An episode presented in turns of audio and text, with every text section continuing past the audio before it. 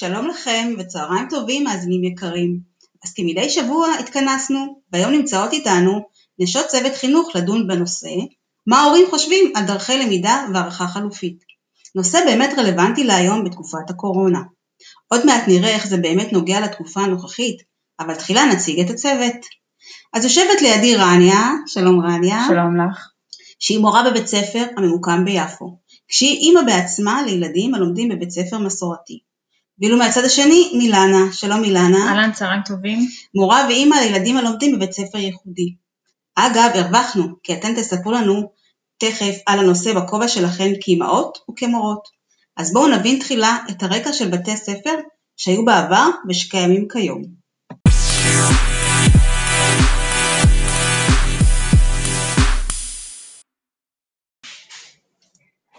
שלום לכולן, שלום זיווה, שלום אה, מילנה.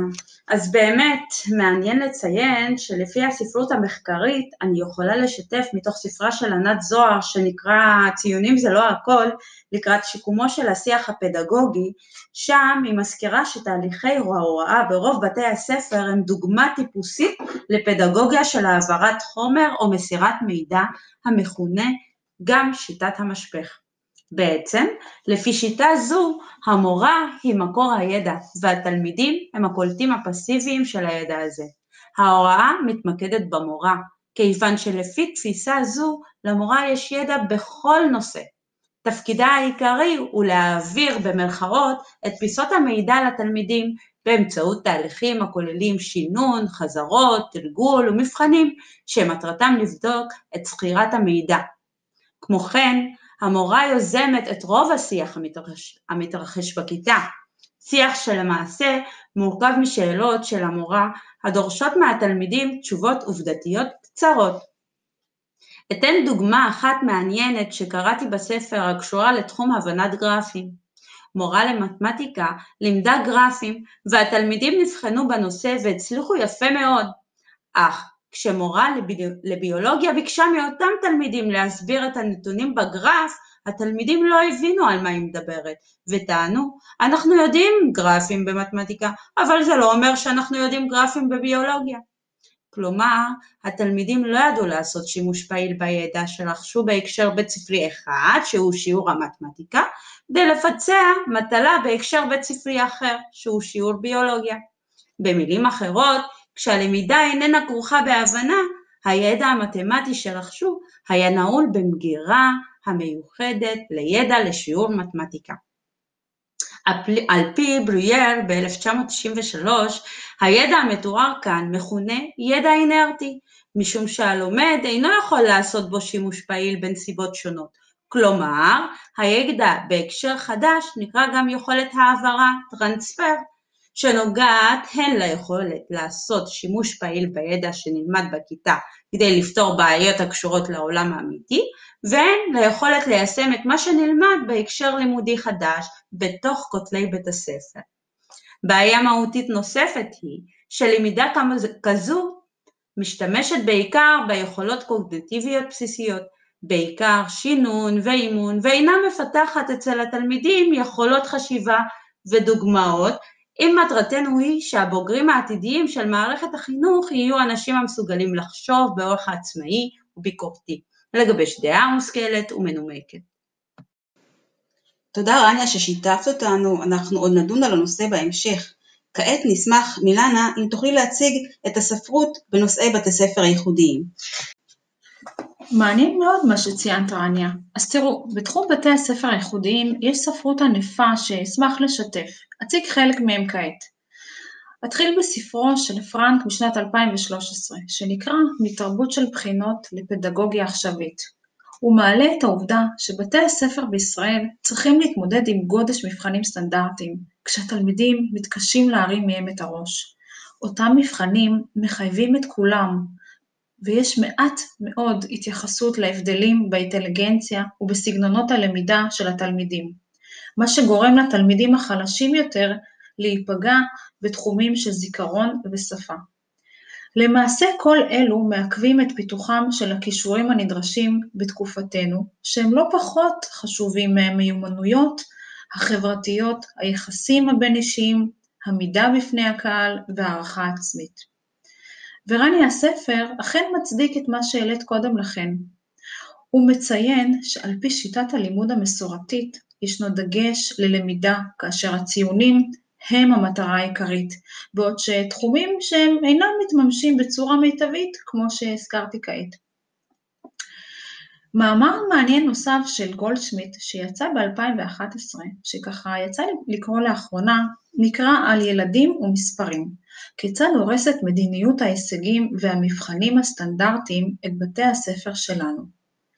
בו נכתב כי הערכה מספרית ומבחנים סטנדרטיים מתייחסים מראש לילד ולאדם כאל ישות חסרת ייחוד, חסרת צבע משלה ונטולת מקוריות.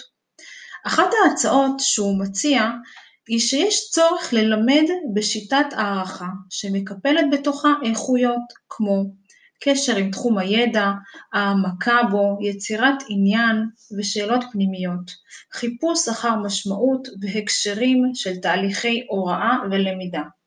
שלמבחנים סטנדרטיים בעלי ציון מספרי אין שום קשר אליהם. מבחנים כאלו נושאים עמם נטייה לרידוד תהליכי למידה, לשינון ולתרגול, לניתוק הקשר לתחום הנלמד ולפסיביות של הלומד ושל המלמד. אני חייבת לציין שכמורה במיוחד אני מסכימה עם האמרה הבאה שהוא מעלה, שיטת לימוד כזו כשלנגד עיני התלמיד עומד, עומד סליחה, הרצון לקבל ציון מספרי ותו לא, מעודדת שינון ואז הקאת החומר במבחן, דבר שגורם לתלמיד לאבד את ההבנה וההתפתחות הנלווית ללמידה משמעותית. לבסוף ארצה להציג מאמר מתוך כתב העת ביטון שכתבה בירן מנוחה. היא מציגה מחקרים שהראו כי מהלך הערכה לשם למידה, או כפי שמכונה אלל, המטרה היא לעצב את הלמידה היא משפרת הישגים בהשוואה להערכה המתקיימת רק בסיום הלמידה. כמו כן, היא מקדמת מיומנויות חשיבה, הסקת מסקנות ופתרון בעיות, וגם מהלה את המוטיבציה ללמידה מעמיקה. אה, וואו מילנה, אני אשמח להוסיף דבר מה בנושא, בשבוע האחרון יצא לי לקרוא מאמר ממש חדש של דוקטור אדם הישראלי וסילביה פוגל ביג'אווי, בו חקרו את מעורבות ההורים בפדגוגיה, האם היא מהווה איום או הזדמנות. אחד הממצאים המעניינים שעלו מהמחקר היה שהורים שילדיהם לומדים בבית הספר המסורתי מצפים ממנו להשתנות לכיוון של פדגוגיה חדשנית, ובניגוד אליהם, הורי בית הספר החדשני דווקא מערערים עליה ומחפשים את הפדגוגיה המסורתית. כלומר, הציפיות הפדגוגיות של ההורים מבית הספר הן הפוכות בשני המקומות. מחקר זה למעשה משלב בין שתי הגישות שהעלינו מנקודת מבטם של ההורים. ממצא נוסף שעולה מתוך מחקר זה מעיד כי מעורבותם של הורים באה לידי ביטוי גם בהערכה.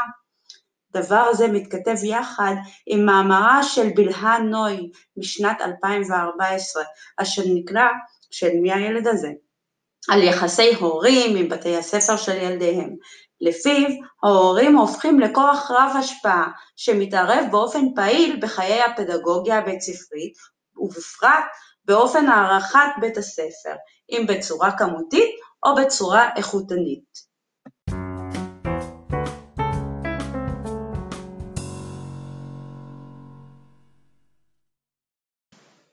לאור מה שסקרתם מתוך הספרות, הבנתי שגם ראיינתם הורים מבתי ספר אשר דוגלים בשתי הגישות הפדגוגיות השונות כדי לשמוע את דעתם.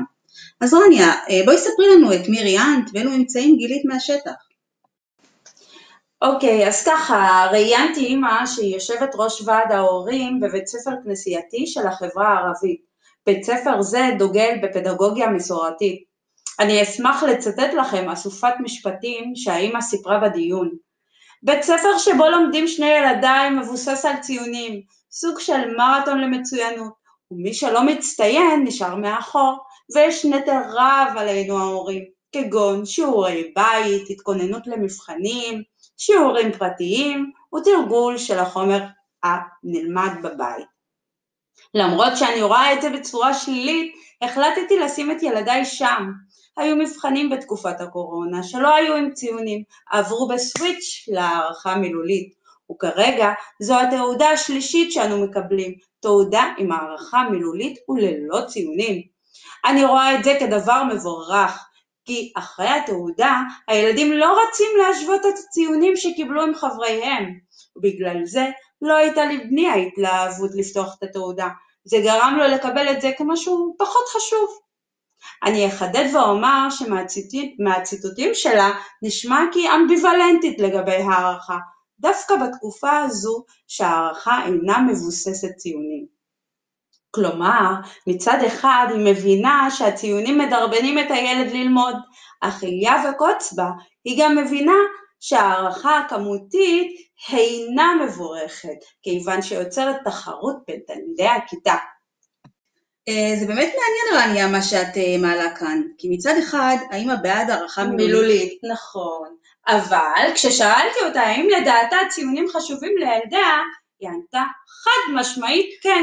זה האפקט המיידי של המוטיבציה, כי לשיטת ההלכה האיכותנית מילולית הילדים לא באמת התחברו. זאת אומרת, אנחנו רואים שהאמא שוב אינה חד משמעית בנושא הזה, אבל בסופו של דבר החליטה כיוון שראתה כיצד הדבר משפיע על הנכונות והמוטיבציה של בנה ללמידה.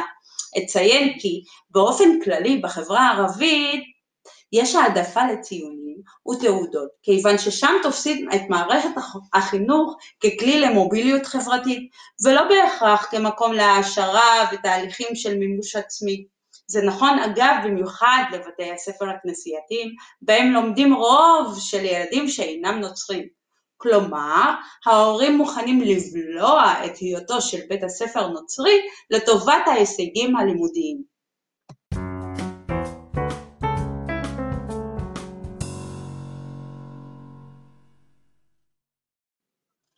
האם הייתה התייחסות מילנה בריאיון שלך בנושא הזה של הציונים בבתי הספר הייחודיים? אז כן, אצלי יצא שראיינתי שתי אמהות בעלות ותק שונה בבית הספר, הפעם מהחברה היהודית. האחת סיפרה, אני מצטטת אותה, הגעתי מעיר אחרת ששם המורים שחוקים, בית חרושת לציונים, שיניתי את מקום מגוריי בעקבות בית הספר, ולצערי אמרו לי שאין מקום לקראת ספטמבר אחרי שכבר עברתי. אבל אז כתבתי מכתב מהלב למנהל המחוז, בסוף קיבלו תקציב ופתחו עוד שתי כיתות. כיום הילד שלי לומד בכיתה ז', ולפני כן למד בבית ספר מסורתי, לא שיתף כלום, המורה הייתה צועקת והיו לחצים, האווירה הייתה שונה. וכאן האווירה נעימה.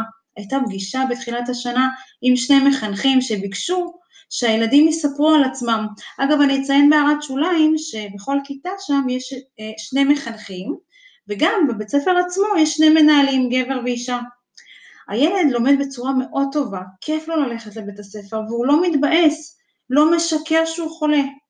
דברים דומים נשמעו מהראיון השני. האמא חזרה לעניין שבחטיבה אין לחץ של הישגיות וחתירה אחר המצוינות, כיוון שהערכה מתבססת על פרויקטים, וזה מקל על התלמידים ומשחרר מהם את העומס. ראוי לציין כי בתקופה הזו של הסגרים בעקבות מגפת הקורונה, התלמידים בחטיבה נמדדים בשיטה המסורתית ולמידת הפרויקטים היא בעצם אה, כבר לא מיושמת.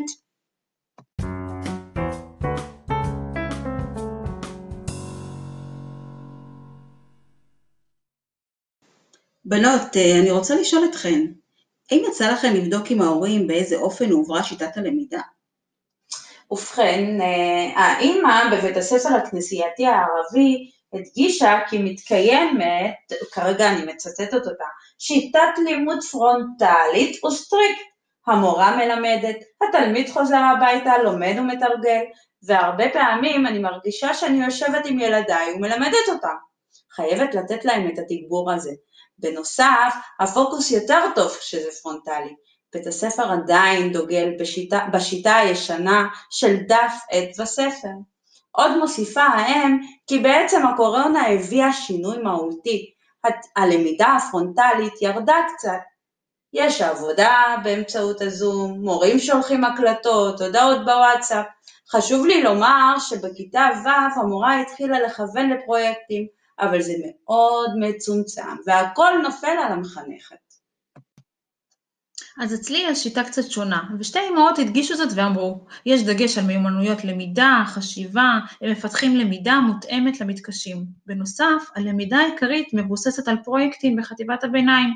כל מחצית יש הצגת תוצרים לימודיים. לדוגמה, תוצר באנגלית, תפריט של מסעדה, וחלק מהתלמידים עסקו בעיצוב גרפי, חלק בהבאת רעיונות וכתיבת מתכונים, ואז ההצגה נעשתה באנגלית, כאשר סך הכל היו חמישה-שישה תפריטים. יש שיעורי ליבה פרונטליים, אנגלית, מתמטיקה, אדם וחברה, שזה כל מקצועות היסטוריה, גיאוגרפיה, תנ"ך, אזרחות, אה, מקצועות ההומאנים בעצם, הם פותרים תרגילים, ההתקדמות נעשית בקצב אישי, כאשר כל תלמיד לוקח דף עבודה שמתאים לרמה שלו. יש עבודה פרטנית בקבוצות מול המורה. אין חלוקה לקבוצות. מעניין לציין שבתה של אחת מהמרואיינות מאובחנת כתלמידת שילוב עם בעיות קשב וריכוז, ומחנכי הכיתה דואגים להתאמה אישית עבורה על מנת לסייע לה באופן דיפרנציאלי.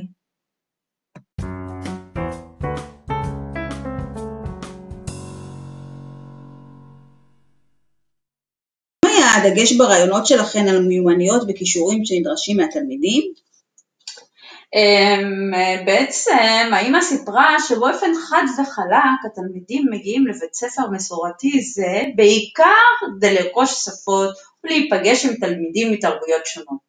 היא ציינה שישנה מסגרת ברורה של תהליך למידה מוגדר עם התחלה, אמצע וסוף. התלמידים לומדים, משקיעים בבית, הם חוקרים את הנושא שנלמד בכיתה כי בדרך כלל הם לא מספיקים את החומר הנלמד. זו אחת המיומנויות שהתלמידים, שהתלמידים טיפחו בעצם לעצמם. בנוסף, היא ציינה כי ישנה חשיבות למבחנים עם הערכה מספרית, דבר שגורם לתלמיד תחושת העצמה, התמודדות עם לחצים ואי ויתור לעצמך.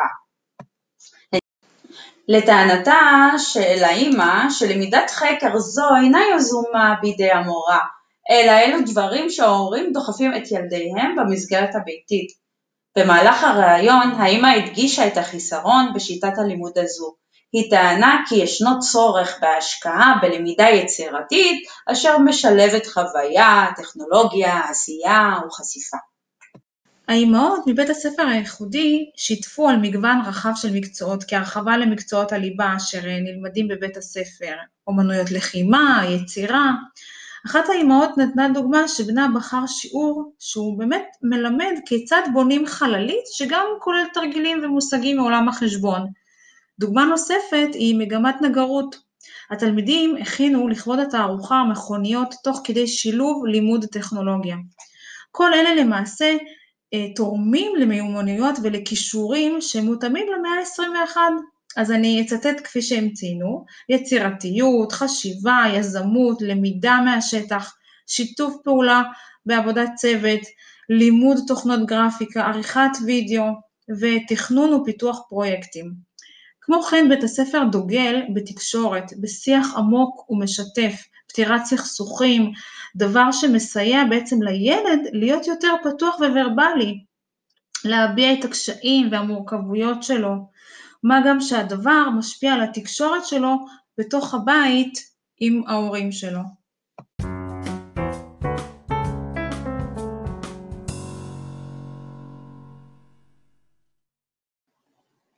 אין ספק, חברות ופאנל יקר, כי חידדתן את שיטות ההוראה, החל מהשיטה המסורתית ועד השיטה הייחודית העכשווית בצורה מיטבית, מהתיאוריה לשטח.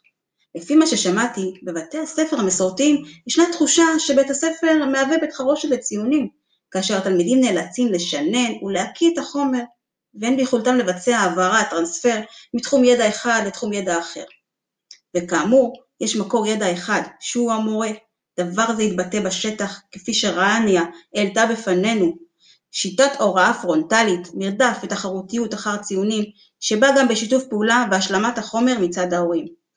מעבר לכך, ניתן היה לראות כי המורים לא יוזמים עבודות ופרויקטים ייחודיים, אלא נאלצים להסתפק על פי שיטת הערכה מספרית מסורתית. בניגוד לכך, בבתי הספר הייחודיים, כפי שעולה מהשטח ומהרעיונות, ישנה יותר התייחסות ללימוד על פי המתווה של חנוך לנער על פי דרכו, להבדלים באינטליגנציות ובסגנות הלמידה השונות של התלמידים. יתרה מזו, ישנה ראייה ליחידות של כל אחד מהתלמידים.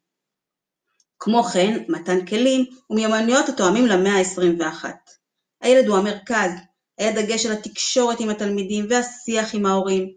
כל אלו באים בהלימה ומחזקים את הספרות, אשר דוגלת בהערכה איכותנית, שמטרתה לעצב את הלמידה, לשפר הישגים, בהשוואה להערכה המתקיימת רק בסיום הלמידה.